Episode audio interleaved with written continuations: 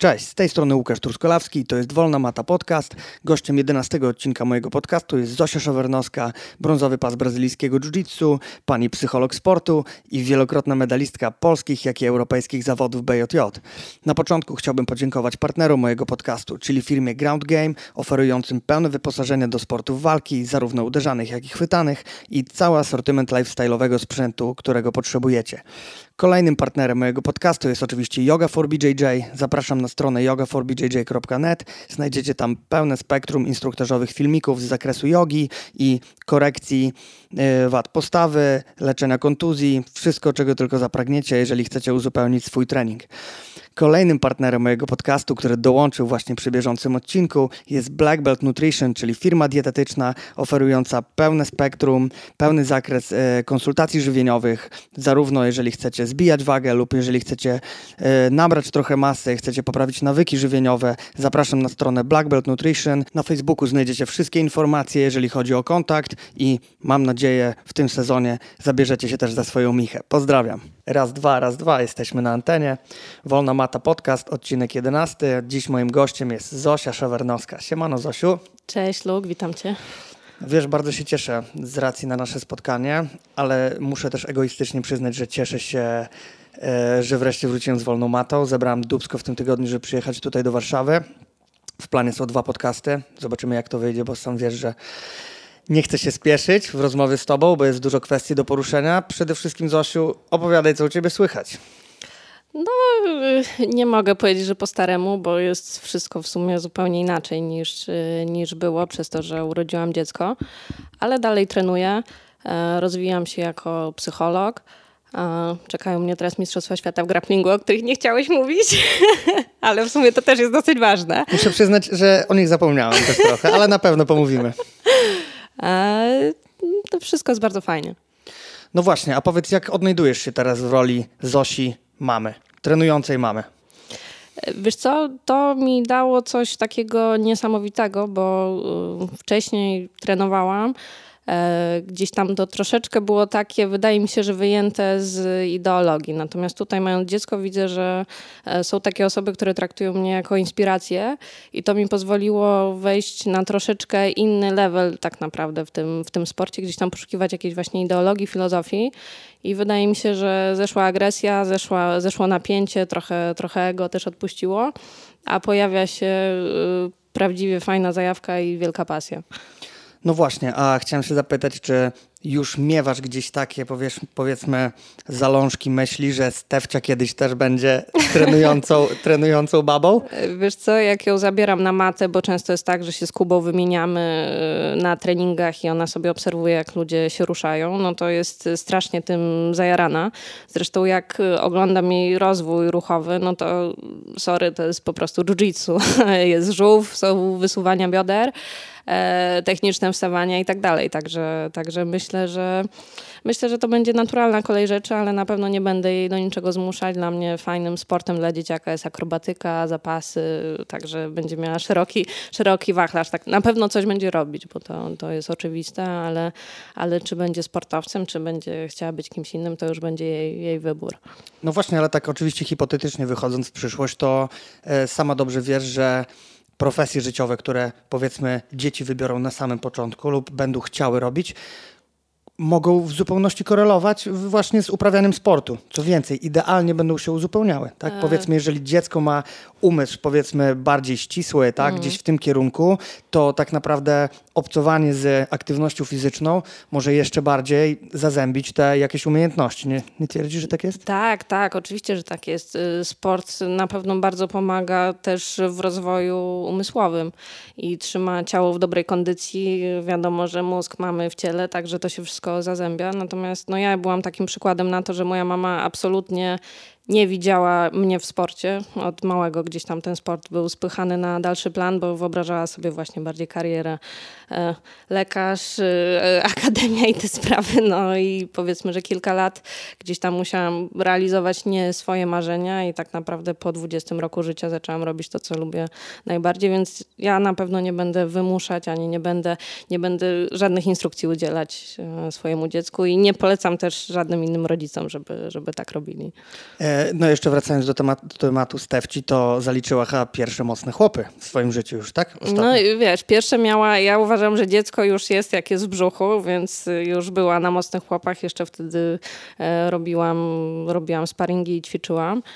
E, ale tak, teraz byliśmy, byliśmy chyba na początku lipca, czy pod koniec czerwca e, na mocnych chłopach. No i no nie, nie, nie było łatwo, nie było łatwo trenować.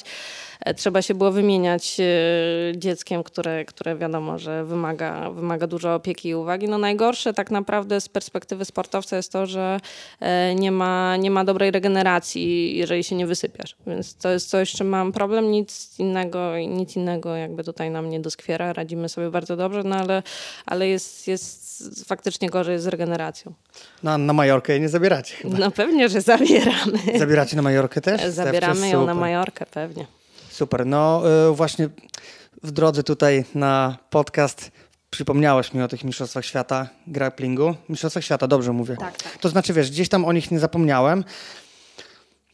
Co więcej, nawet tydzień temu myślałem sobie, aha, bo Watson jedzie. Nawet się zastanawiam, czy Kuba już gdzieś nie wyjechał. Myślę, ale Zosia pewnie zostaje, no bo okres macierzyństwa ten wczesny, a tutaj nagle się okazuje, że jedziesz. To opowiadaj, jak forma teraz, jak tak naprawdę okres przygotowań po tym pierwszym, e, że tak powiem, zachuśnięciu się macierzyństwem. No, okres przygotowań jest na pewno inny, bo, bo no właśnie nie ma też tej regeneracji, więc trenowanie dwa razy dziennie jest bardzo ciężkie. Gdzieś tam to sobie odpuściłam. Tak naprawdę y, treningi, treningi więcej niż raz dziennie robię tylko z Alicją i to są raczej BJJ rozkminy i luźne kulanki. Pozdrawiamy Alicję. Pozdrawiamy Alicję, tak. I rozkminianie jak Mendes to zrobił, także... Naprawdę? Tak. Ale to jest dużo innych e, bardzo ciekawych zawodników. Czy naprawdę dalej wierzycie trochę tak w kult Mendesa? Wiesz co, no on mi pasuje, bo jeżeli chodzi o grę z dołu, to Delariva i Berimbolo to są te rzeczy, które lubię. E, no, look, powiedzmy sobie szczerze, te, te techniki też są dobre do dojść do nóg, co ostatnio zobaczyłam na seminarium u Szczecińskiego, który kręci sobie Delarivę i, i ląduje w taktarowie miażdżącym stawy skokowe, więc... Nie, zgadza się, ale y, jak spojrzałaś na mnie i powiedziałaś o tych leglokach, no. szczerze, ja nie jestem leglokerem. Nie jestem fanem nawet legloków. Okej, okay, no. jest kilka jakichś, których lubię, powiedzmy, jeżeli ktoś mnie zapyta, to mogę coś podpowiedzieć. No, ale... ulubiony zawodnik, dawaj. Mój ulubiony zawodnik? Josh Hinger. Okay. Josh Hinger i Gary Tonon. Ale Gary Tonon głównie z racji na swoją, że tak powiem, yy, wielopłaszczyznowość. Mm. Zapaski, legloki, no headlocki, przepraszam, bardziej, tak? Ale generalnie na chwilę obecną najbardziej się Joshem jaram mm. z Atosów, tak? Bo mm. jest gościem, który, wiesz, y, ogarnia się tak naprawdę w kimonach, ogarnia się w nogi, yy, no jest też mega inspirującym gościem, tak? Yy, ostatnio, wiesz, czytam jakieś tam jego wpisy, w ogóle on też pisze dla Flow Grappling, czasami jakieś artykuły dość ciekawe, także przede wszystkim jest inteligentnym typkiem z doświadczeniem, który dalej aktywnie startuje i z tego, co mi opowiadali nasi wspólni znajomi, którzy byli w Atosie, to no leje młodziaków, wiesz? Mm. Leje, leje Kinana też, tak? Yy, urywałby tym wszystkim harpaganom, o których słyszymy, także... No, na dzień dzisiejszy Josh Kinger jest moim ulubionym zawodnikiem. Ale chyba, wiesz co, na przykład nigdy bym, nigdy, mimo swojego zamiłowania do submission grapplingu, na przykład nigdy nie powiedziałem Eddie Cummings. Mm. Nigdy. Prostego powodu, jak oglądałem walki Cummingsa, nie podobały mi się one z racji na to, że były dość jakby jednopłaszczyznowe. Czego, mm. mi, za, czego mi zawsze brakło u Cummingsa? Zapasów. Mm. Wiedziałem, że jego walki się zaczną od siadania na dupę, Oczywiście nie jest to jakiś mój manifest przed wciąganiem do gardy wszechobecny, że o co to siadanie na dupę, to wbrew czemuś tam ten. Nie uważam, że walka gardą jest też bardzo, bardzo mocnym narzędziem i jest przeznaczona głównie dla osób trenujących jiu-jitsu, bo wiesz, na nogach mamy pewne odruchy, kiedy możemy się poruszać z boku na bok, ale osoba niedoświadczona z siedzenia na dupie robi, jest, jest panika od razu, tak? A osoba nauczona e, grapplingowych skillów wie i jest pewna tego, że nawet leżąc na plecach jest w stanie że tak powiem, zneutralizować osobę atakującą z góry. Ale wracając jeszcze do ulubionych zawodników, to na przykład Cummings nigdy nie był. Z całego Dana Herdet składu właśnie Garrett on odpowiadał mi najbardziej przez swoją wielopłaszczyznowość. No, tak. On jest też y, spektakularny, fajnie się ogląda jego walki. Tak, Ale to z kolei nie jest osoba, którą ja bym podała jako, jako, jako ulubionego zawodnika. Tak nawet by mi do głowy nie przyszedł. Jednak gdzieś tam właśnie zawsze bardziej ci ci, ci no, Mendesów bardzo, Mendesów po prostu bardzo lubię, bardzo fajnie mi się to ogląda. To jest takie jiu którego nie do końca też e, rozumiem na pierwszy rzut oka, dlatego, dlatego gdzieś tam sobie coś rozkminiamy i naprawdę czasem można fajne, fajne ruchy podłapać, a do tego to jest taka rzecz oczywiście, no zupełnie, zupełnie to nie jest ważne teoretycznie, ale estetyka filmów, które tam, które są stamtąd, to jest jednak, to się Jemy zajebiście oczami, ogląda. Tak? No. Jemy oczami najpierw. Tak Wiesz co, jest. zgadzam się. E, ja też przez długi czas tak naprawdę oglądałem Mendesów. Nawet chyba kiedyś zasubskrybowałem sobie jedne, jeden miesiąc. E, do dzisiaj, jak widzę ich techniki, to bez dwóch zdań stwierdzam, że w kimonach są to techniki objaśnione najbardziej szczegółowo i tak jak zwykłe przejście, powiedzmy, gardy toreando, jak mamy za nogawki, jest tego mnóstwo na necie. Wejdziesz na YouTube, piszesz toreando pas, masz pierdyliard filmików różnych gości, to jak wiesz, że dostaniesz torando od Mendesów, to dostaniesz multum tak ciasnych detali, które uczyni to przejście takim, że twój przeciwnik będzie po prostu leżał zbetonowany. I to mi się zawsze podobało, że tam był każdy jeden pojedynczy szczegół kontroli przeciwnika przekazany. No ale wiesz, no w którymś momencie gdzieś te jednak kimono mi uciekły. Robię je dalej z wielką pasją, z wielką zajawką. Nawet planuję wystartować na Mistrzostwach Polski w kimonach w tym roku. Przełamuję się do tego, żeby robić więcej w GI, zabieram na sparingi ze sobą w kimonach. Niestety nie mam zbyt wielu chętnych, żeby ze mną robili w klubie. Zapraszamy do Warszawy. Oczywiście, nawet dziś po drodze sobie o tym myślałem, że po prostu będę chciał pojeździć, żeby się ponapieprzać. Yy, brakuje mi w pierdolu. Wiesz, brakuje mi w pierdolu w kimonach, a wiem, że mm, nie jest daleko. 200 km wystarczy przyjechać i będę zmielony. No my e, ostatnio zrobiliśmy taką rundę, pojechaliśmy do Poznania. Z Poznania u nas była Klaudia Mitko. I powiem Ci, że to ma duży sens, bo jednak taka wymiana doświadczeń tutaj to jest, no Radek nam o tym mówi cały czas, że walczymy ze sobą od wielu lat. To jest cały czas to samo. Ja już mogę zamknąć oczy i wiedzieć, co, co zrobią moi sparring partnerzy. No oczywiście nie mówię o czarnych pasach, które w różny sposób mnie zaskakują i kończą mnie różnymi dziwnymi rzeczami. No ale, ale wiadomo o co chodzi, nie? Także, także no właśnie, właśnie teraz wracając z wakacji Kuba się uparł, żeby, żeby pojechać pojechać do, do Wardziaka na kilka dni i mieliśmy y, dużo szczęścia w sumie, bo spotkała się bardzo fajna ekipa. Mogliśmy porobić z Gugałą, z, no ja akurat z Michalcem nie robiłam, ale też ta cała ekipa ciężkich tam się, tam się y, w jednym miejscu znalazła i warto, wiesz, to jest też to, co gdzieś tam mi do tej ideologii jiu-jitsu dochodzi, że fajnie się wymieniać doświadczeniami, fajnie sobie jeździć po świecie, no tak jak to robi na przykład Micha, nie? No to jest, to jest... Pozdrawiamy. Pozdrawiamy Michę, który u nas, u nas chyba zaczął swoją przygodę taką podróżniczą, bo, bo siedział Berserkers jakiś tam dłuższy, wtedy jeszcze w Aliansie dłuższy czas. E, no i teraz y, fotka z Gordonem, kolejny, kolejny przystanek y, na, na mapie świata, także Micha robi, to, Micha robi to zawodowo. Tak, Micha robi to zawodowo i e, też wcześniej tak naprawdę m, miał bardzo długi tur po świecie. Był chyba w Nowej Zelandii, jakiś czas siedział w San Diego, e, nawet skleił jakiś materiał wideo z Kinanem, z mm. jego instruktorzówki, tak. więc zacieśnia najlepsze kontakty, kontakty tak naprawdę na całym świecie. No i co by nie mówić, e, mamy tego efekty w jego walkach. Jego mm. ostatnia waleczka na Polaris, kurde, szybka, latająca balacha na kolano, powiedzmy jak zwał, mm. tak zwał. Super, no, takie freestyle'owe jiu-jitsu, instynktowne, z doskoku. Potem pamiętam jak czytamy, czy je to był wywiad po walce prawdopodobnie, albo jakiś pisemny wywiad z Michał, to on odpowiedział, że robi na treningu, wskakuje ludziom do legloków. Mm. Nadarzyła się sytuacja, przestrzennie ogarnął, że jest to możliwe. I dzięki temu mamy widowiskowe jiu-jitsu. Mm. Właśnie dzięki temu. Ale to jest też, wiesz, takie zaskakujące, że jeździ, zbiera różne doświadczenia. Powiedzmy, e, nawet doświadcze, doświadczenie walki z Kinanem, który no, jest zawodnikiem kimoniarskim, jednak nie ma jakiegoś szalonego tempa, ale on chłonie te jiu-jitsu zewsząd. Mm. Różne style.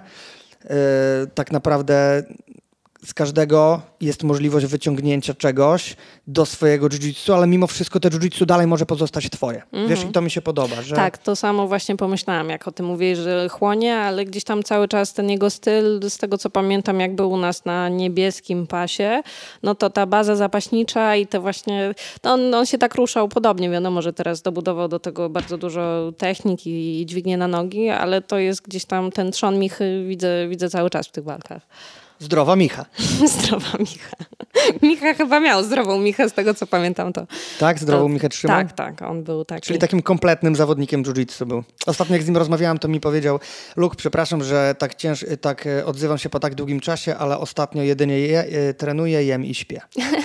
no i pięknie. Tak samo jak wcześniej mówię, jak był w Nowym Jorku, to się spytałam, jak Nowy Jork? Nie wiem, nie miałam czasu zwiedzać. Oj, no to to no. już jest coś, co, co gdzieś tam no nie jestem, mm, okej, okay, no może nie przegięcie, ale ja bym to w troszeczkę inny sposób rozwiązała. Oczywiście, że tak. Jak Miejsce jedziesz, też jest ważne. No, jak tak. już jedziesz, to to jest właśnie całe piękno tego, że, że zwiedzasz świat tak naprawdę dzięki, dzięki temu. No ale wiesz, no Nowa Zelandia, on tam jakieś spływy też rzucał, okej, okay, no myślę, że może z drugiej strony jakbym była w Akademii w Nowym Jorku, to też bym tam siedziała, ile by się dało. To znaczy, to jest jakby też kwestia jakby oczywiście celów, tak? Mm. E, ale ja podzielam twoją opinię i e, dla mnie jakby takim źródłem inspiracji jest wszystko. Jakby mm. Oprócz samego jiu-jitsu jest też miejsce. Wiesz, Nowy Jork mi się kojarzy z czymś, kurde, o wiele innym niż jiu-jitsu. Zanim mm. Renzo tak. Gracie i te wszystkie akademie, dla mnie, wiesz, to była muzyka, jakaś kultura, kurde, no, wiesz. No, centrum e, świata tak naprawdę. Centrum nie? świata i na pewno nie, nie pozwoliłbym sobie na to, nawet gdybym był tam 7 czy 10 dni. Mm. Nawet nie wiem, czy bym nie zrobił tego kosztem troszkę treningów, wiesz, czy, czy wolałbym zapieprzać dzień w dzień i jak najwięcej wydobyć z tych treningów, czy po prostu sobie założyć, że tyle i tyle poświęcam na trening, a tyle i tyle poświęcam na zwiedzanie. Ale no tak jak mówisz, to jest kwestia celu. Jeżeli masz gdzieś tam Mistrzostwa Świata wiszące za, za kilka dni, no to siedzisz i zasuwasz, jak nie, to... I dłubiesz. I dłubiesz, no. Zosiu, wedle moich researchów około dwa miesiące temu zostałaś panią psycholog sportu. Mm, no, tutaj mam nawet dyplom pod, pod y, stolikiem, na którym stoją mikrofony. Y, post na Facebooku został wstawiony 18 czerwca. Przygotowałam się, żeby nie było. Mm. I wiesz, to, to było jakby głównym powodem, dla którego chciałam przyjechać z Tobą porozmawiać, mm -hmm. ponieważ jest to aspekt y, niedoceniony. Może nie, nie, nie chcę jakby mm. pogłębiać tego tematu, że niedoceniony, ale który na pewno gdzieś tam śledzę od lat i wraz z doświadczeniem, które nabieram poprzez e, doświadczenie trenerskie, prowadzenie dzieci, prowadzenie osób dorosłych, obserwacji jakby ich podejścia do treningu, dalej jest aktualny i który dalej gdzieś tam rozkminiam sobie cały czas. Mm. I E, pierwszą kwestią, e, Zosiu, powiedz, e, jaki wpływ ma psychologia sportu na dyspozycję zawodniczą?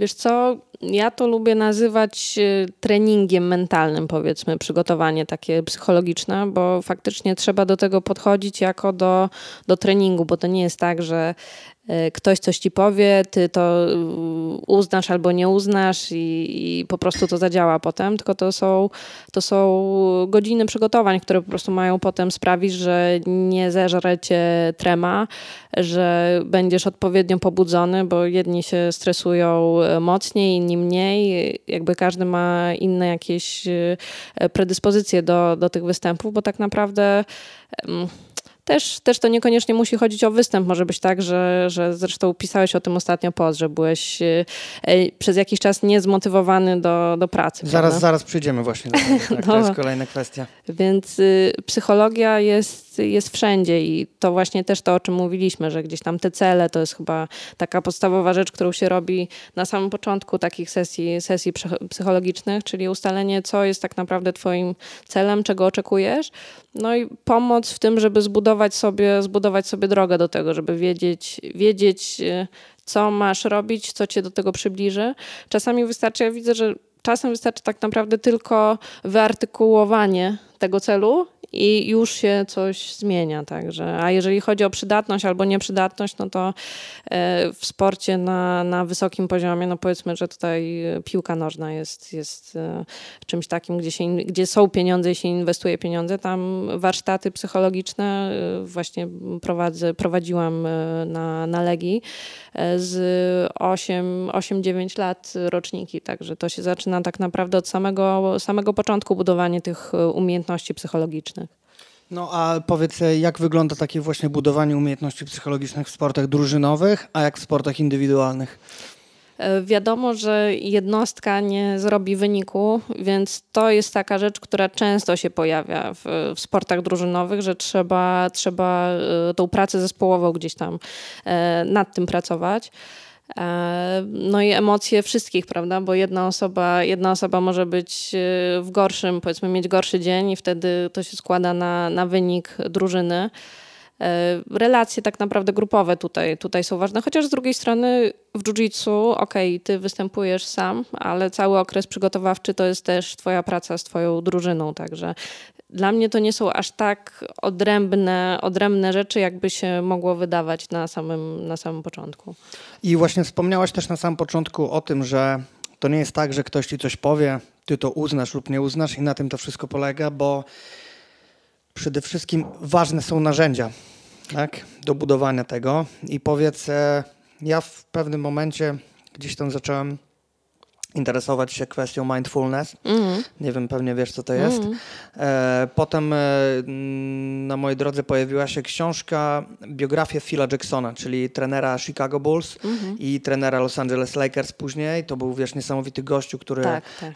wywalczył 11 pierścieni mistrzowskich z tymi drużynami budował takie drużyny, w których, wiesz, walczyły takie tuzy jak Jordan, Pippen właśnie i, wiesz, musiał zażegnać konflikty, badać ich wewnętrznie, cały czas ich obserwować, wiesz, co się dzieje z nimi, bo te kariery rozwijające się tych zawodników niestety różnie wpływały na ich nastroje, humorki, na ich dyspozycje właśnie na danym treningu, czy potem, wiesz, na, na parkiecie. I on właśnie też tam wspominał o mindfulness, czyli o tych momentach wyciszenia i jakby skupieniu uwagi. I e, zacząłem się interesować mindfulness trochę o tej zwiększonej uważności. E, gdzieś tam później pojawiła się yoga. Zacząłem robić sobie jogę, gdzie właśnie przez całe życie myślałem, że yoga to jest praca na, e, na, na, znaczy wiesz, rozciąganie na takiej zasadzie.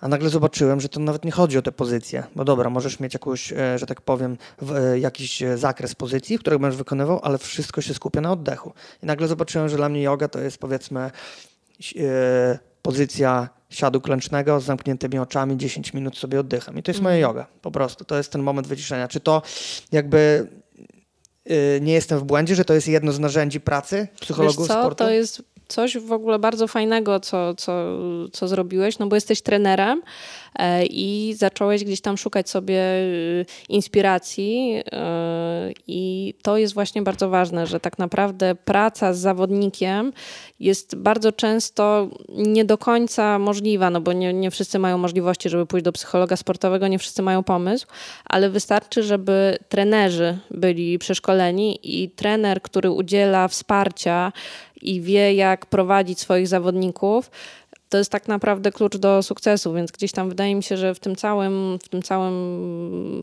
powiedzmy karierze, którą, którą sobie szykuję, największy nacisk będę kładła na, na właśnie przygotowanie, na warsztaty z, z trenerami, bo trener ma naj, najlepszy kontakt ze swoim zawodnikiem, trener ma największy kontakt z dzieckiem, e, trener może sprawić, że komuś zniknie zajawka i trener może sprawić, że ktoś, ktoś zdobędzie, zdobędzie to upragnione mistrzostwo, także, także e, no sam na to trafiłem nie? Gdzieś tam, gdzieś tam intuicyjnie. Yoga, yoga jasne, yoga jest bardzo fajna. Ja akurat wykorzystuję ją bardziej do, do zwiększania swoich zakresów niż do wyciszenia. E, ale, ale tak, no medytację tylko to jest też, to jest właśnie ta robota, nie? Idziesz sobie, idziesz sobie na jogę, siedzisz w jednej pozycji i, i wydaje ci się, że, że, że, to, że medytacja to nie jest tak naprawdę praca, a to jest y, taka sama praca, taki sam trening, y, jak y, techniki, które, które robisz na macie, to wyciszenie. No chyba, że, że tego nie potrzebujesz, no bo też nie każdy potrzebuje wyciszenia, niektórzy potrzebują pobudzenia. Właśnie wspomniałaś, Zosiu, o jednej dość bardzo ważnej rzeczy, że trener jako osoba, powiedzmy, przodująca w danej drużynie jest odpowiedzialna za to, co zawodnicy będą, powiedzmy, robili. No nie oszukujmy się. Jako trener kreujesz jakiś światopogląd w takiej niezapisanej kartce. Oczywiście. Jako powiedzmy biały pas, tak? Przychodzi ktoś do ciebie. Ale pojawiła się jeszcze bardzo ważna rzecz. Yy, odbieranie motywacji mhm. do treningu. I muszę Ci teraz powiedzieć, że sam ostatnio miałam rozkminę tego typu, ponieważ od jakiegoś czasu jestem związany z mm, Gabrysią, wspomnę to imię. Pozdro Gabrysia. Pozdro Gabrysia, e, która trenuje u nas mm, około dwa lata. Przez długi czas tak się zastanawiałem, jak to, jak to jest być w takim związku, w którym i jedno i drugie trenuje, prawda? I teraz od jakiegoś czasu, jak jesteśmy razem, że tak powiem, wiesz, to zacząłem bardziej trochę nawet nie wiem, czy nie cisnąć ją. Standard, standard. Zapytaj się jakiejkolwiek pary ze świata jiu-jitsu, czy lubią, albo czy w ogóle trenują sami ze sobą, bo to jest takie, każdemu się wydaje, o, oni są ze sobą, to na tak, pewno umawiają się na drille. Jiu-jitsu lifestyle, no. po treningu kochanie, co jemy, a potem idziemy spać, a potem znowu na trening. No, no, żyćko. Luk, powiem ci, że z Kubą jestem, no, czekaj, pięć lat? Coś, pięć, pięć lat i dwa tygodnie temu udało nam się wypracować system walki razem, bo y, udało mi się go przekonać do tego, żeby mnie nie na, y, no, nie bił mnie y, mocno. Y, jakoś tak jest, no nie wiem, zawsze, zawsze były jakieś problemy, ja miałam jakieś kontuzje, czy nie wiem, za bardzo na mnie wskoczył albo robił za luźno. On się na mnie denerwował, że traci trening, jak, jak gdzieś tam robi. I dopiero Chuj. po pięciu latach udało nam się to ogarnąć, więc macie jeszcze, macie jeszcze dużo czasu. To jest niesamowity ewenement właśnie par jiu-jitsu, że nie, nie, nie chcą ze sobą ćwiczyć. Ale nie, wiesz, e, chodzi mi o coś innego, ponieważ tak, wcześniej e, ona trenowała jakby na klasyku, dwa razy w tygodniu. Mm. Miała tygodnie, w którym przychodziła codziennie, po prostu sobie trenowała. Przychodziła na matę, robiła co chciała. E, a teraz nawet ja gdzieś po treningu, jak prowadzę, mówiłem do niej tak. Dlaczego ty się nie starasz? A czy to I, jej pomaga? I, I, słuchaj, i było tak, dlaczego się nie starasz? I widziałem gdzieś kątem oka, że filuje, czy ja patrzę. A też fakt faktem zrozumiałam, że jest po na przykład 10 godzinach roboty i przychodzi na trening. I wiesz, wcześniej miałem to gdzieś. Mm. Nie, totalnie. Przychodzisz, robisz co chcesz, bla, bla. A potem na zasadzie było takie. Po którymś treningu wracaliśmy samochodem i cisza. I krępująca cisza. I pod koniec tej przejażdżki, jak już dojeżdżam na parking, mówię do niej tak. Słuchaj, jeżeli jiu-jitsu już nie sprawia ci przyjemności, to po prostu nie trenuj. Powiedziałam do niej tak, że do momentu, w którym przyjście na matę było dla ciebie odbiciem od pracy, od stresów dnia codziennego, to wszystko miało sens. Jeżeli teraz czujesz, że przychodzisz, bo czujesz presję mnie, mojej opinii czy kogokolwiek, to to nie jest tego warte. W ten sposób jej powiedziałem. I wcześniej już nawet mówiłem to rodzicom na treningu dzieci, że najważniejszą opinią w treningu naszych dzieciaków jest ich własna opinia. Jeżeli oni nie chcą trenować, bądź ja nawet to dzieciakom na zbiórce powiedziałem, mówię, słuchajcie, jeżeli któregoś dnia yy, dojdziecie do wniosku, że już chyba nie chcę trenować, już jiu-jitsu nie sprawia mi takiej frajdy, przychodzicie, mówicie mi to w oczy, podajemy sobie rękę i tyle. Bo to jest wasza decyzja. Najważniejsze jest to, co wy chcecie robić i każdy jeden trening, jeżeli wam sprawia frajdę, po treningu dziękujemy sobie, przychodzicie na następny i tak się budują umiejętności, i tak się wasze jiu-jitsu będzie budowało. Jeżeli w którymś momencie już nie będziecie tego, tego czegoś czuli, ja was na pewno do tego nie będę zmuszał. I to samo, wiesz co, zauważyłem właśnie z Gabryśką że jej to powiedziałem, że nie chcesz, to nie trenuj. Naprawdę, bo to jest. Yy, nie, nie warto, żebyś sobie robiła ciśnienie czy presję. Yy, I na chwilę obecną jest tak, że powiedziała, że w sierpniu odpuszcza, mm. że nie trenuje, tak? I zobaczymy. Zaraz jest wrzesień. Mówiła, że we wrześniu ma wrócić na treningi, ale wiesz co? Z końcem sierpnia jakby zaczęły się wysnuwać takie wnioski, że kurde, chcę wrócić, wiesz, bo czuję się jakaś taka słabsza fizycznie no, już plecy jakoś tak bardziej bolą. Jakby, y, widzisz, zaczęła dostrzegać jakby inne powody tego jiu-jitsu niż to, że nie wiem, ja cisnę, ja... A czy ty jesteś jej trenerem? Jestem. Okej, okay, no to widzisz, to jest też y, taka rzecz, no powiedzmy wchodzi, wchodzi tutaj psychologia, żeby rozdzielić swoje role, bo na treningu, na treningu jesteście na treningu, a potem wracacie, a gdzieś tam dalej, jeżeli ona czuje, że dalej uciśniesz. A ja y, ten, y, wracamy do domu, ona siedzi na tym, na fotelu, a ja na kanapie stoję jak Napoleon i No. no Kuba, Kuba nie był moim. Chodziłam do niego na zajęcia, ale nie był moim trenerem. Gdzieś tam zawsze, zawsze tym trenerem był Radek, więc też ta, ta sytuacja była trochę inna, ale na pewno nie czułabym się komfortowo, jeżeli on by ode mnie no zresztą dobra, ja, ja miałam taką y, głupią y, jazdę na początku, że y, chciałam być taka jak on, że chciałam trenować tak jak on. Wiesz, wzięłam się ze studiów, z trybu studenckiego i zarzuciłam sobie, że będę tak trenować jak Kuba, który trenuje już tam wtedy, wtedy trenował 7 lat czy, czy coś takiego. No i skończyło się to takimi spięciami i przeciążeniami, że, że było ciężko. A Kuba mówił jedno zdanie, które wierciło mi głowę i wydaje mi się, że też popychało mnie do, do tego. E, nie bądź jak baba. I ja tą babą nie chciałam być i musiało minąć no, kilka lat, zanim sobie uświadomiłam, że jestem babą i nie będę zarzucać na sztangę tyle, ile on. I mało tego, jako baba mam jakieś tam swoje swoje ależ, inne umiejętności. Ależ my faceci, przepraszam, że ci przerwę, ależ my faceci mamy podobne podejście. Ja nie mówiłem do Gabrysi, nie bądź babą, tylko wiesz co mówiłem? No. Jak mówiła, że coś się boli, czy ciężko po treningu, mówiłem, nie bądź pizdą, proszę cię. No to właśnie.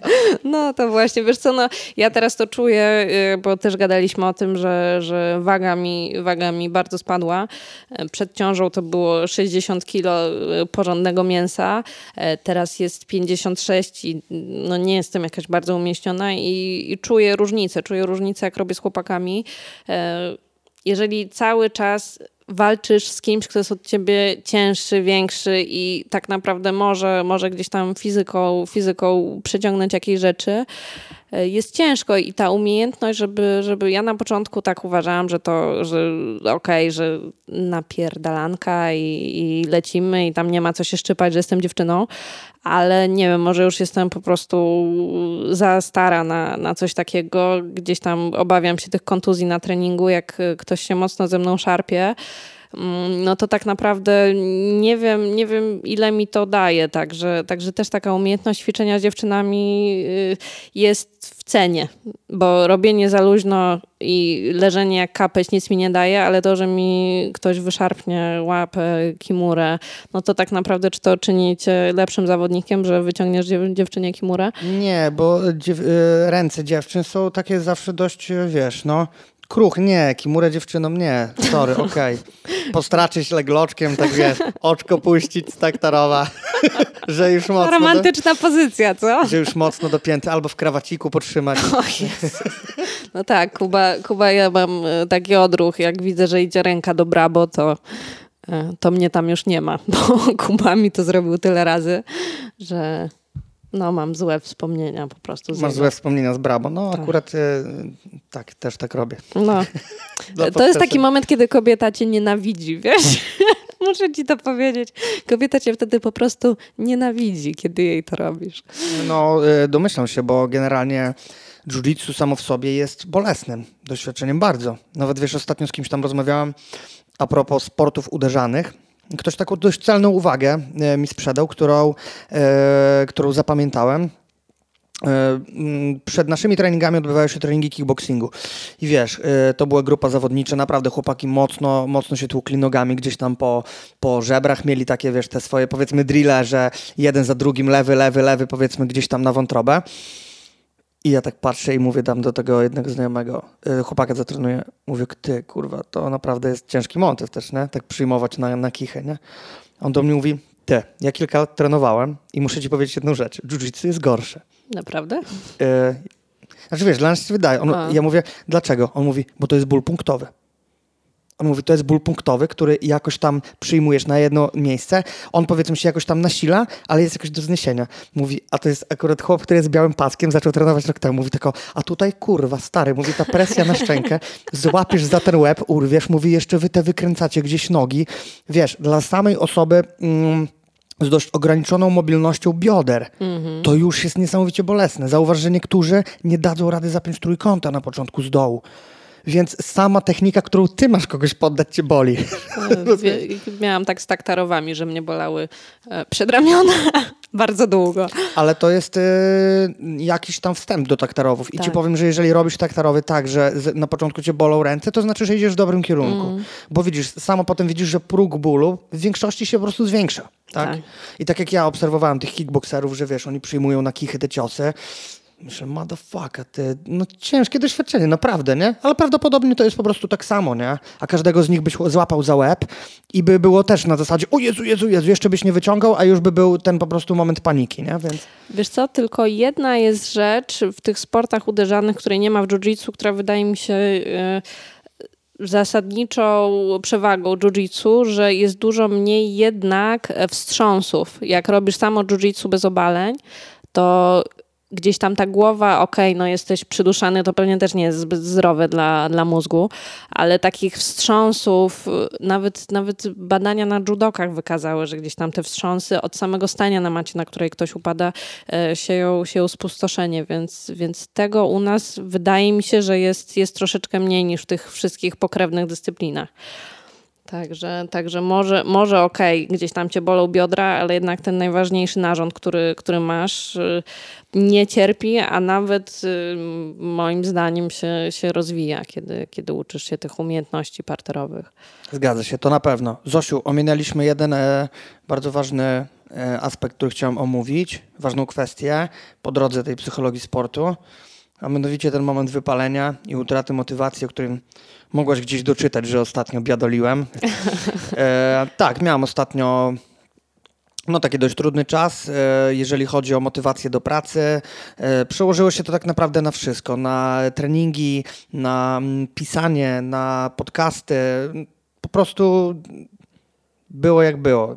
Dzień się zaczynał zakładałem, że okej, okay, lecimy, a parę godzin później już było, kurwa, nie mam flow, nie? Nie mam flow w ogóle, że tego robić. Też było to spowodowane tym, że okres wakacyjny po prostu w mojej profesji spowodował, że tej pracy było mniej, bo jednak zauważam, że e, jest taka tendencja, że jeżeli czuję, że tej pracy jest dużo, mamy rytm roboty, no to czy mam motywację, czy nie, to po prostu ją robię. A jeżeli jej zaczyna brakować, zaczynają się inne głupie pomysły. Na przykład no, gdzieś tam stare przyzwyczajenia, co niestety potęguje potem to, że nie chce mi się, nie, nie muszę, powiedzmy, no, nie ma, nie ma powiedzmy jakiejś tam lipy z pieniędzmi czy coś, po prostu sobie, po prostu sobie wegetuję, tak, ale na tyle przestał mi odpowiadać ten stan rzeczy, że czułem, że muszę to gdzieś z siebie wylać, wyrzucić. I oczywiście komentarze pod moimi wpisami były Truluk, przestań pierdolić, biadolić, czego marudzisz, o smuty, masz takie życie, nie ka każdy by tak chciał mieć jak ty, bla bla bla. Ale przede wszystkim chodzi o to, że e, ciężko jest odwołać się na to, że ktoś by chciał żyć tak jak ty, a ty narzekasz. Narzekanie jest kwestią indywidualną, jest y, stanem emocjonalnym twoim i... I cechą, cechą kulturową Polaków. Tak, cechą kulturową. Ja po prostu odczułem taką potrzebę, że muszę e, wyrzucić to z siebie. Że teraz mam taki stan rzeczy, ale kurde zbieram pokłady w swojej motywacji, żeby wreszcie się zebrać, a że obrałem profesję powiedzmy pisarską troszkę, no to starałem się w ten sposób to przekazać, tak? Ale dobrze, przejdźmy teraz e, właśnie do tego momentu wypalenia ponieważ wróćmy też do. E, wrócimy do rozmowy. A mogę, mogę tylko tutaj mhm. jedną rzecz, tak zwróciłam uwagę na to, tak jakbyśmy siedzieli sobie powiedzmy na sesji psychologicznej, e, to powiedziałeś coś takiego, że pisarstwo, więc że czułeś się zobligowany w jakiś sposób do, do napisania tego i zobacz, że tutaj się pojawia też coś takiego, że mm, robisz coś dla innych i czujesz się w związku z tym e, zmuszony do czegoś, co nie do końca gdzieś tam jest, y, współgra z, z tobą, także to byłby aspekt, o którym byśmy sobie rozmawiali, gdybyś był u mnie, że gdzieś tam czujesz jakąś powinność w stosunku do innych, że nawet musisz napisać na ten temat i się wytłumaczyć, a tak naprawdę przecież robisz to dla siebie, to jest twoje życie. Nie? Ja wiem, wiesz, tylko mm, napisanie tego nie miało przysłużyć, właśnie, ja to, ja to potem gdzieś tam napisałem, że napisanie tego nie miało przysłużyć temu, że ja się tłumaczę, że słuchajcie, przepraszam w ten sposób czy coś, tylko przede wszystkim chciałem ruszyć z pisaniem. Chciałem... Czyli to był taki twój zaczep, że Tak, dobra. to był zapłon. To był mhm. taki zapłon, a z jednej strony muszę ci powiedzieć jedną rzecz. Niby, oczywiście, wiesz, feedback, oczywiście gdzieś tam szczery od, od serdecznych mi ludzi, że o, nie marudź, bla, bla, bla, nie chce mi się zobaczyć twojego... szatan. Pozdrawiamy Gonza, tak. Ale nie, wiesz, oczywiście to było wszystko w dobrej intencji, ja to rozumiem. Ale z jednej strony muszę ci powiedzieć jedną rzecz. Ludzie lubią słuchać smutów. Co by nie mówić, autentycznie. Zosia, zwróćmy uwagę na... Nie, Luke, to jest uogólnienie, którego nie możesz robić. To... Nie, nie, nie, ale ja nie, ale ja nie będę się do tego sprowadzał, broń no. Boże, bo life is good, tak? I Aha. ja o tym wiem. Ale co by nie mówić, to wiesz, życiowe rzeczy, w których jesteś nostalgiczny czy coś, no to jest, to jest Ja pokarm. ostatnio odkliknęłam śledzenie takiego, takiej osoby, która jest trochę zbyt, zbyt nostalgiczna, także nie, nie, no tak, nie Zosiu, ale, ale widzisz, no okej, okay, nie zgadzasz się, ale z jednej strony znasz mnie, tak? Ci ludzie, którzy powiedzmy gdzieś tam e, mnie czytają, też mnie znają i wiedzą, że to, co ja przekazuję, że to nie jestem ja, nie? że to jest jakiś moment, że to jest jakiś fragment, przekazanie jakiejś szczerej emocji, która na dany moment była, e, na dany moment, o której chciałam napisać, ale to nie jestem cały ja. Ja nie chodzę, wiesz, no smutny. Wiesz co, bo to też chyba jest y, jakby też podyktowane tym, że możesz sobie raz coś napisać, ale jeżeli kontynuujesz w taką nutę, no to po prostu pytanie, po co, po co się śledzi ludzi, po co, po co na przykład kogoś followujesz na, na, na Instagramie, bo jeżeli szukasz e, inspiracji, no to smut za smutem to nie jest coś, co, co mnie inspiruje, no tylko ja tam nie jestem po to, żeby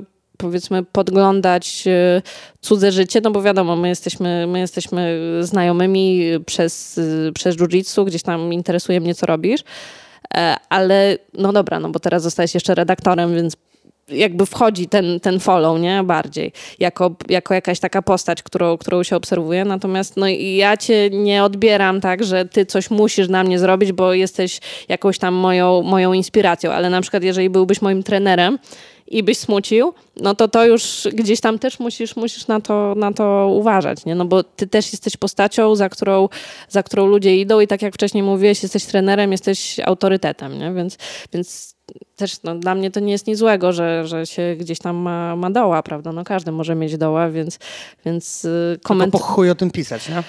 No wiesz co, tak. znaczy zależy jak traktujesz Facebooka, no bo to jest teraz tak, taki spust emocji ludzi, no mm, nie do końca jestem pewna, wiesz, bo, bo gdzieś tam trochę przez, na pewno przez to, że jestem mamą, nie mam do końca czasu na, na, na internety i coraz mniej w tym siedzę, natomiast wydaje mi się, że, że lepiej sobie radzić w tym, z, tym, z takimi nastrojami w inny sposób, e, niż uzewnętrzniać się na, na Facebooku, no ale z drugiej strony, jeżeli jeżeli no, masz jakiś tam zastój y, w puszczaniu podcastów, na które ludzie czekają, no to też dobrze jest gdzieś tam coś napisać na ten temat, nie? Więc a zawsze znajdziesz kogoś, kto, kto będzie chciał to ocenić, a tu się pojawia problem, bo coś sobie wrzucisz, myślisz sobie, dobra, to napiszę, a potem się pojawia ta negatywna ocena, z którą ludzie na przykład sobie źle radzą, prawda? I to jest coś takiego, co jest nieprzyjemne, co ci wierci dziurę w brzuchu, że, że wie, że tam ktoś ci coś skomentował, nie? No ale sam się o to prosisz, y, wypuszczając coś takiego, także... Ale yy, my sobie na przykład czasami lubimy usiąść i poczytać, jak widzisz, że jest 40 komentarzy, czy nawet więcej pod jakimś takim postem, no to yy, to jest entertainment, nie?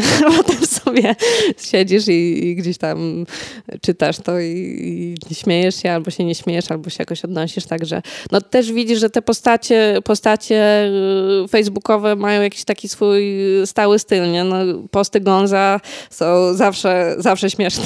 Czy to jest... Y, czy... Nie, nie Zosiu. Śmieszne. Nie zawsze są śmieszne? Jeżeli... Mm, ja słowa śmiesznym nie użył. Uważam, okay. że Marcin nie zasługuje na tak prosty, okay. na tak prosty zwrotek śmieszny. Jeszcze go szukam. Jeszcze go szukam, żeby określić ten styl Gonza właśnie, ale niesamowicie go lubię. Niesamowicie go lubię, ponieważ jest... Tak, on jest trochę nostalgiczny zawsze, gdzieś tam jest y, właśnie, prawda o życiu. Właśnie o to chodzi. E, właśnie o to chodzi, że ta nostalgiczność ma koniec końców być wspólnym mianownikiem takiej prawdy o życiu. I mm. na tamten moment o moim życiu, jak pisałem, to właśnie była prawda na tą chwilę obecną, jak się czuję. Rozumiesz? W ten sposób. Ale sama widzisz, Gonzo zwrócił uwagę, a mówisz, że jego styl też jest trochę w ten sposób bardzo życiowy, tak? Na swój sposób. Mm -hmm. Dobra. E, już może zostawmy Gonza w spokoju. E, Zosiu, i teraz tak. E, kiedyś rozmawialiśmy, pamiętam, że zaraz po tym, jak e, zaszłaś w ciążę ze Stefcią, rozmawialiśmy... Z Watsonem. Z Watsonem. z Watsonią. E, no dobra, mniejsza z tym. E, jak byłaś w tym sztosie zawodniczym, no. e, dużo startowałaś, dużo trenowałaś, poświęciłaś bardzo dużo dla treningu brazylijskiego jiu-jitsu i w ogóle no, 100% życia jiu-jitsu, tak? Mm, potem poprzez ciążę, no oczywiście nie mogłaś trenować i pamiętam do dzisiaj naszą rozmowę, w której mm, powiedziałaś mi, już nie będę oczywiście przybliżał twoich mm. wniosków wtedy, ale w którym e, tak generalnie powiedziałaś, zrozumiałam kilka rzeczy. Że nie tylko jiu-jitsu, że poświęciłam tyle, a straciłam to. Coś tam mi uciekło poprzez to, że się poświęciłam. Itp. itd. Rozumiesz? Już nie będę przybliżał tego. Aha. Miałeś ten czas. I ostatnio, wiesz, też z jednym z naszych wspólnych znajomych, też trenującym mocno. Też miał moment, w którym e, poprzez kontuzję był wykluczony z treningów, gdzie poświęcał się bardzo, bardzo mocno treningom. Pojawiły się mu podobne wnioski, wiesz? Gdzieś tam podczas momentu kryzysowego w jiu-jitsu wtargnęło życie, które gdzieś przeciekło przez palce w ten sposób, tak? I e, uważam, że to e, gdzieś jest też czasami takim pośrednim, że tak powiem, aspektem do wypalenia wcześniej wspomnianego.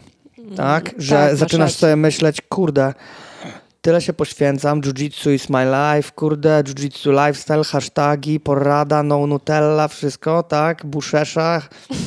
Nie wiem, co jeszcze mógłbym powiedzieć, bez sensu to brzmi. Ale wiesz, ja na przykład też y, muszę powiedzieć, że wiesz, jiu-jitsu mi bardzo dużo dało, no ale też mi bardzo dużo zabrało. Nie? Kosztowało mnie na przykład też jeden związek, e, ponieważ wiesz, no moja profesja jest taka, że no nie mam mnie praktycznie nie? dużo w domu. I no właśnie, i przejdźmy, i przejdźmy właśnie do tego nostalgicznego aspektu. Wiesz co, no na pewno są takie momenty, kiedy, no właśnie kiedy jest ten, ten dół, no i pytanie teraz, co się z tym zrobi, no bo na pewno warto sobie też troszeczkę odpocząć i gdzieś tam dać tym emocjom się przetrawić. Mi się to udało tak rozwiązać, że zapisałam się właśnie na studia podyplomowe y, z psychologii sportu i gdzieś tam dalej, dalej wplatam ten sport i staram się rozwijać karierę tak, żeby, żeby ona była związana jednak ze, ze sportem e, dalej. Mm, I to był taki moment, który pozwolił mi, to była właśnie taka decyzja, która pozwoliła mi spojrzeć na to z kolei z drugiej strony, że my będąc nie w korporacji, tylko mając takie życie, jakie mamy, Kuba, Kuba wstaje o 6, idzie prowadzić treningi, wraca o 11, siedzi z małą i, i sobie razem spędzamy czas, potem, potem zawozimy małą do rodziców albo na zmianę, na zmianę idziemy trenować to jest zajebiste życie i za nic, za nic w świecie bym, bym tego nie oddała. Także oczywiście ten, no tutaj głównie aspekt powiedzmy finansowy gdzieś tam jest, jest do przemyślenia, no bo z tego, z tego na razie nie ma kokosów, które by pozwoliły mi y, powiedzmy zrealizować, no nie wiem, jakieś tam nawet moje marzenia o wyjeździe do, do Stanów i, i tak dalej. Ale z drugiej strony mamy bardzo dużo dobrych emocji, jesteśmy, jesteśmy naładowani, robimy to, co lubimy. No, pytanie jest takie po prostu, czego, czego szukasz, no bo jeżeli szukasz kasy, no to, to, to nie tutaj. Zgadzam się, potwierdzam w 100%.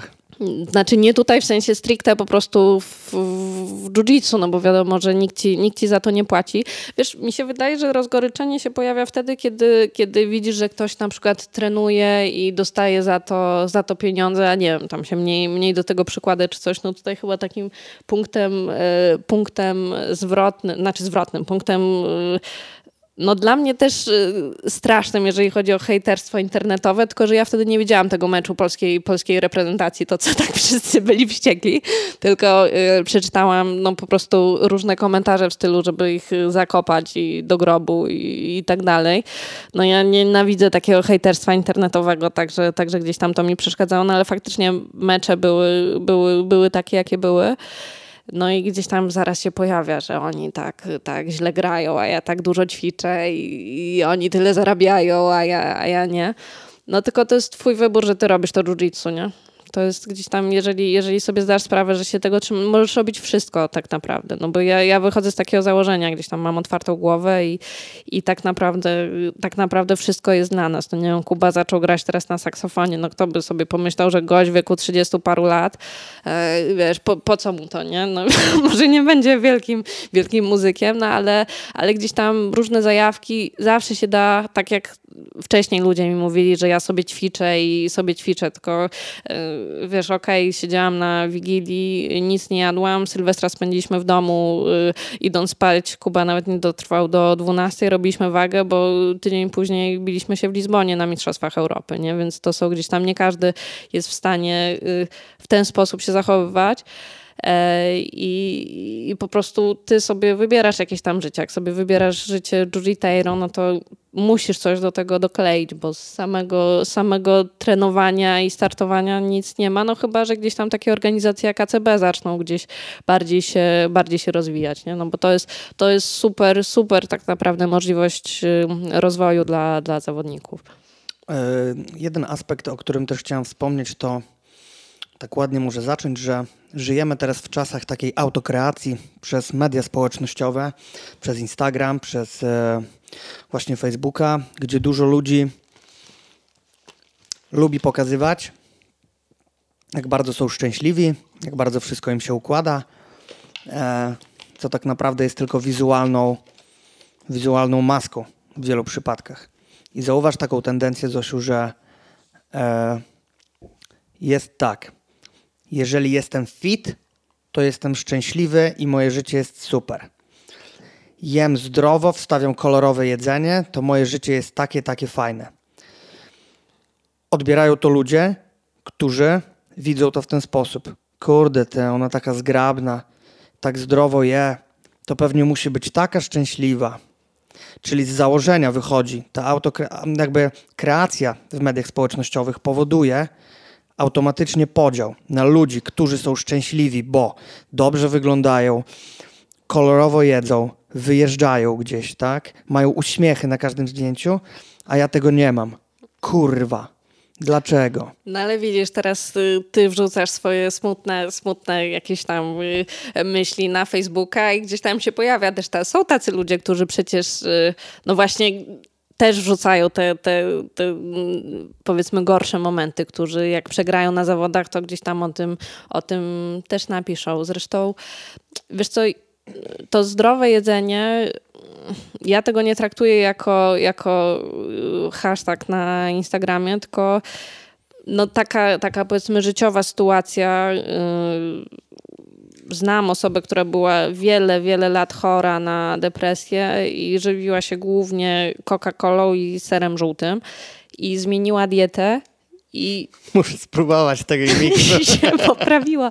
Wiesz co, no to jest, y, są jakieś tam teorie jelitowe i tak dalej. Ja jem zdrowo i wiem, że jak, nie, jak zjem coś nie, niezdrowego, to się źle czuję, ja to po Kubie najlepiej widzę. Wiesz co, Kuba, no Kuba jest, um, to jest y, kategoria 7-7 na DCC ludzi, którzy robią 6-6 co jakiś czas, nie? Bo chłopaki po prostu, no, o tym też Paula, Paula Gałęzowska, nasza dietetyczka mówi, że to jest, oni już mają po prostu to jest choroba psychiczna, nie? To, co, to, co znaczy to może brzmi źle, no ale zaburzenia odżywiania. O, tak, zaburzenia prawda? odżywiania, właśnie Paula to samo mi mówiła. I, I to tak jest, no, że jeżeli, jeżeli gdzieś tam nie masz tego ułożonego, że robisz to dla siebie i po prostu jesz zdrowo, tylko potem sobie ograniczasz, no to kończy się rygor, który masz narzucony z zewnątrz i musisz jeść tą zieloną sałatę, no to jak już nie musisz jeść, to zeżresz e, dwa słoiki nutelli, tylko potem się źle czujesz. Luk, to nie powiedz mi, że się nieźle czujesz po czymś takim, nie?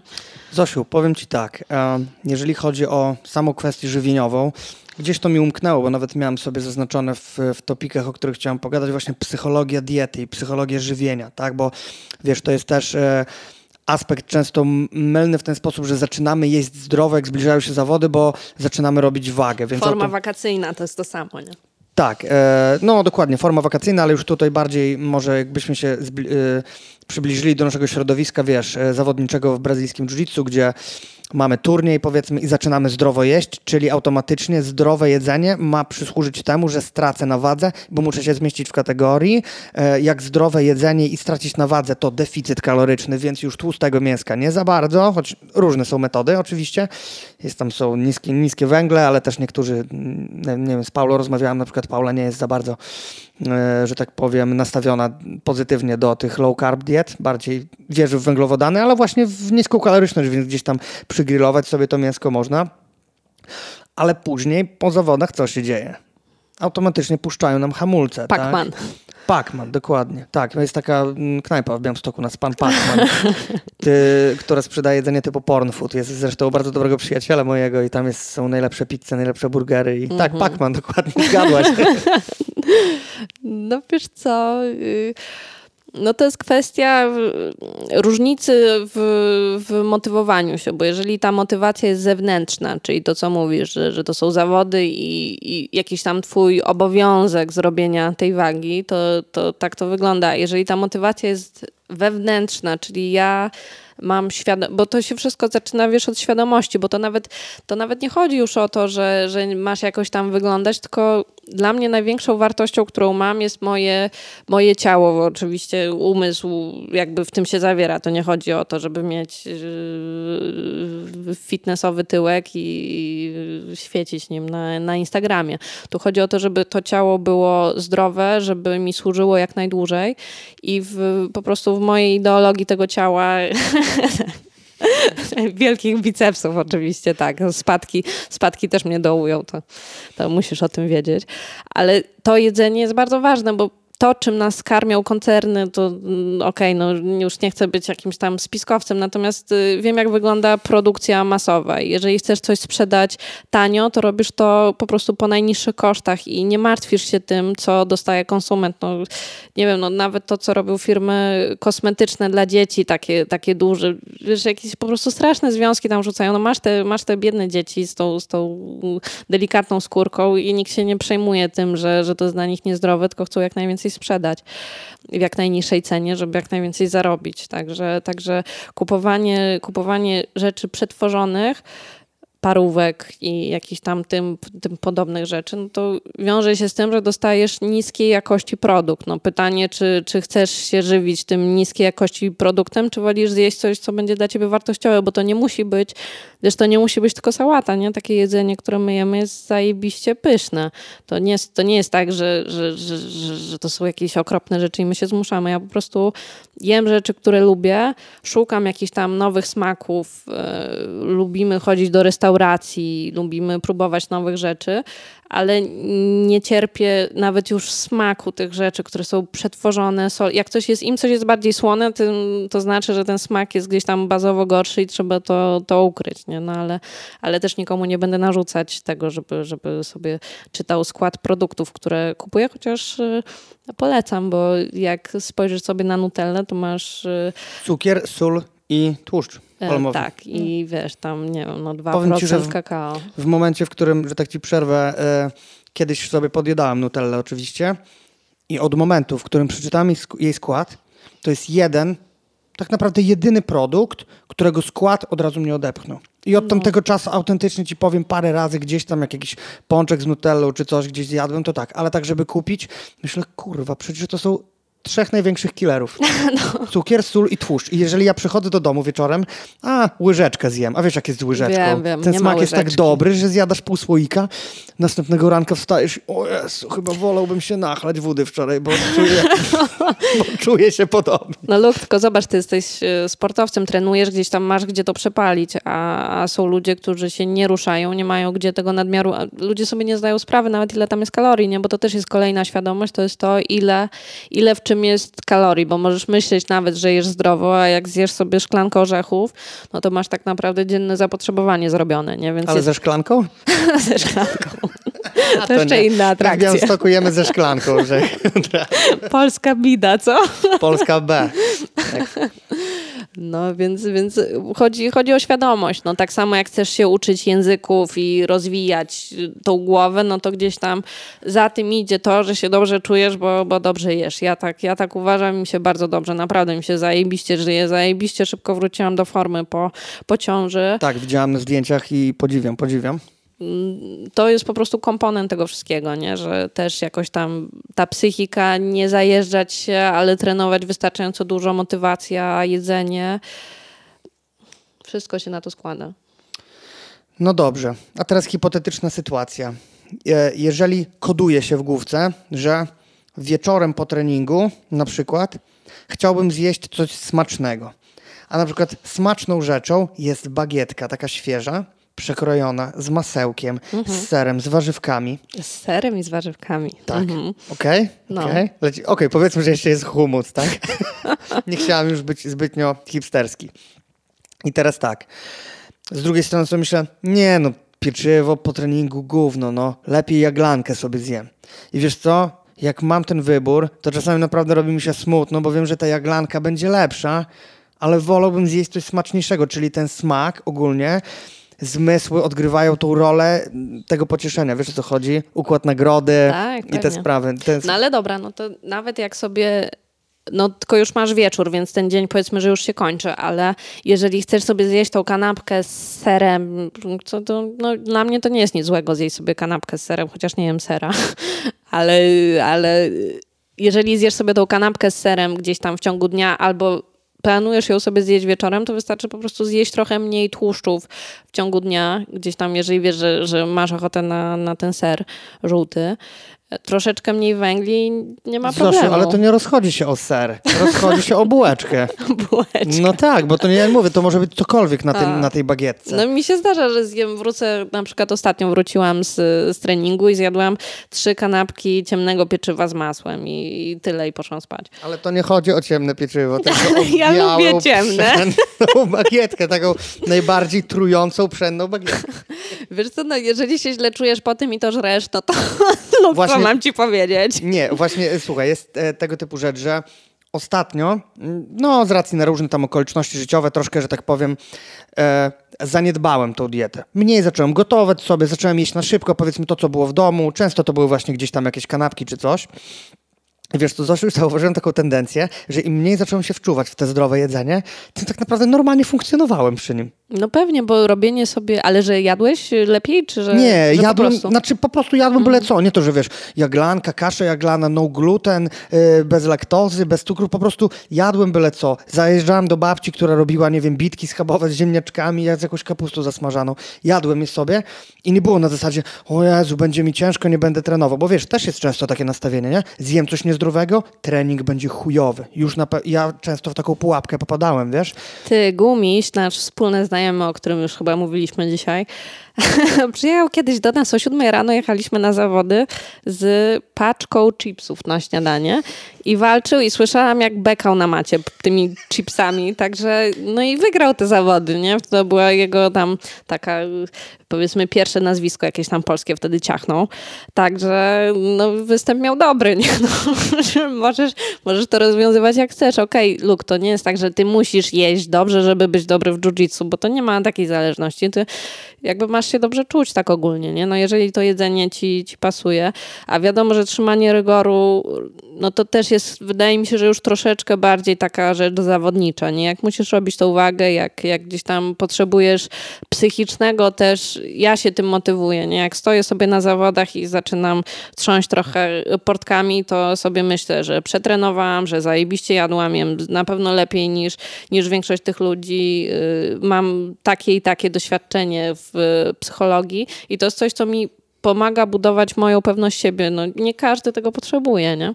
Ale ja sobie to dodaję, że właśnie ty sobie jesz bułeczkę pszenną, a ja, a ja nie.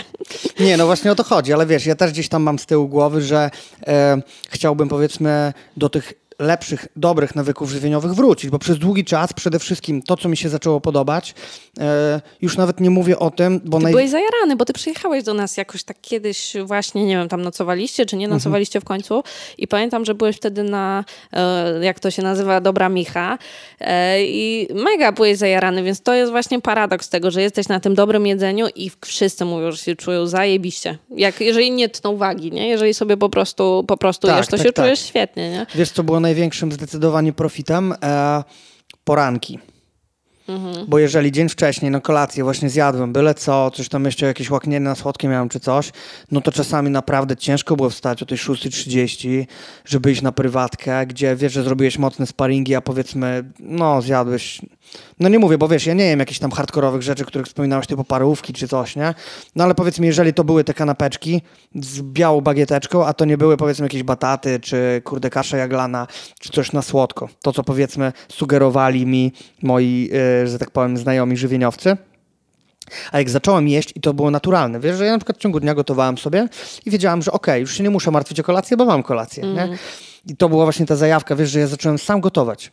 I to, to było, y, bo wiadomo, jak wiesz, mamusia w domu, ale to wiesz jak mamusia, nie? Mamusia to wiadomo jeszcze, ten y, kuchnia, że tak powiem... Y, polska. Kuchnia polska, no tego typu rzeczy. Y, gramatury oczywiście też. niekiepskie, ale wiesz, to na pewno, na pewno faza z jakby zajawka na gotowanie i eksperymentowanie i tak naprawdę odkrywanie, że kurde, to jest zajebiste smakowo. Nie? Taka jaglaneczka na mleku kokosowym z orzechami nerkowca, z rodzynkami, z bananem wieczorem po treningu wchodzi po prostu jak wiesz, jak, jak, jak złoto i po niej się czujesz zajebiście. Nie? Zajebiście, jak już jesteś na takim etapie, że, że faktycznie gdzieś tam to kontrolujesz, mm, ja jestem w stanie wyczuwać na przykład, jakie mam braki, gdzieś tam czuję, że muszę zjeść buraka albo nie wiem, orzechy i to jest też tak, że mój organizm już jest na tyle czysty, że komunikuje mi, że mam ochotę na szpinak albo na, na jarmuż, nie? Więc... Y to jest coś takiego, nie patrz tak na mnie. Zdarza się, że mam ochotę na jarmuż. Przypomniałam, że mam braka na buraka. Taki komunikat wewnętrzny. No wiesz, to buraki są akurat zajebiście zdrowe i gdzieś tam nawet, no właśnie to jest to, że jak współpracujesz z dietetykiem, to dietetyk ci nie mówi, słuchaj Luke, wiesz, je się jaglanki wieczorem, tylko dietetyk Paula konkretnie mówi, słuchaj Luke, zrób badania krwi, okej, okay, masz tam niskie żelazo, zjedz więcej buraka, nie? I gdzieś tam ty się też tego uczysz, jak czujesz takie osłabienie, no to gdzieś coś już, czegoś ci może brakować, okej, okay, może ci brakować snu, możesz być przedtrenowany, ale możesz sobie wrzucić suple, które, które tam mm, dietetyk ci poleca i czujesz się od razu lepiej.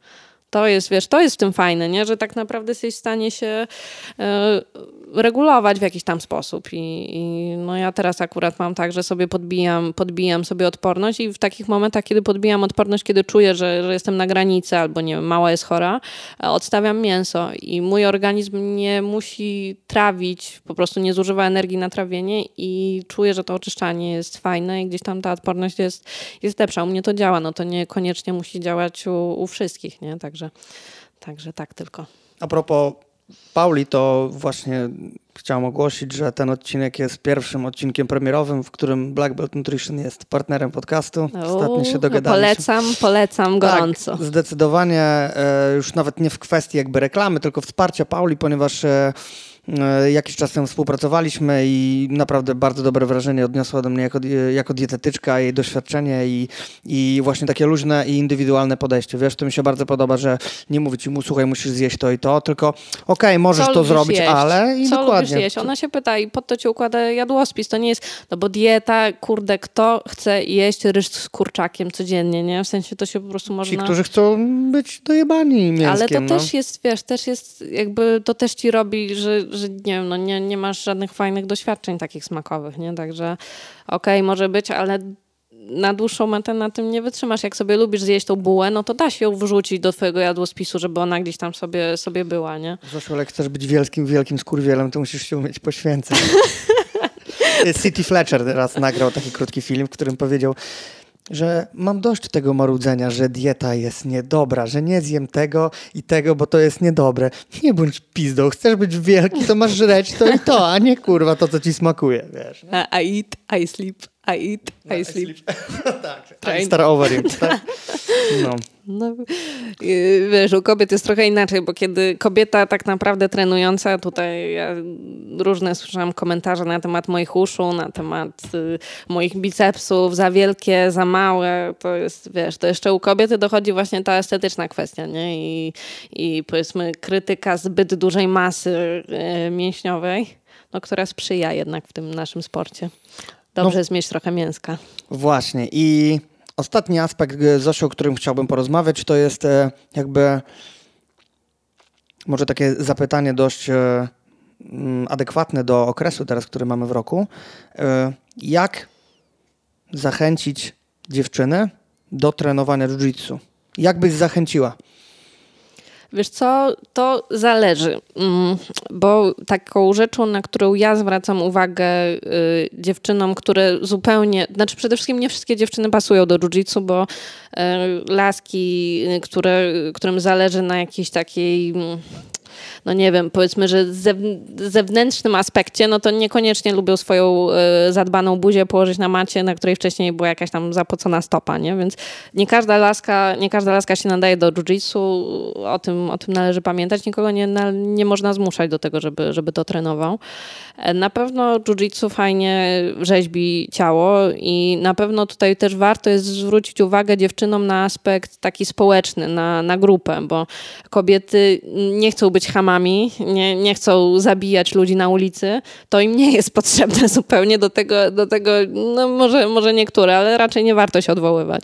Raczej właśnie to, że, że zawiązują się zajebiste przyjaźnie, że masz taką grupę znajomych, którzy są fajni, no bo na tym jiu-jitsu jednak głównie ludzie są, są no nie są to tacy typowi, typowi y, nie wiem, no tutaj nikogo nie chcę obrażać, no ale są, są, są e, specyficzni, też, też pracują, są wykształceni i tak dalej, więc y, jest bardzo fajna grupa, jest zajawka, a przy okazji robi się fajne ciałko, robi się y, coś, co no, wszyscy w to wpadają, więc tak naprawdę wystarczy, wystarczy przyprowadzić kogoś na trening, powiedzieć, żeby, żeby spróbował. Fajnie jest, kiedy ktoś może przyjść, właśnie dziewczyny najczęściej przychodzą albo e, ze swoimi facetami, mm, albo z koleżanką, więc to rzadko jest tak, że dziewczyna sobie myśli, a pójdę, wiesz, pójdę na, no są też, ja tak poszłam, że chciałam iść na sporty walki, a mi mój ówczesny chłopak powiedział, że jiu-jitsu to jest dobry sport dla kobiet, bo nie będę, yy, że bu, twarz jest, prawda, nie, nie ma urazów yy, buzi.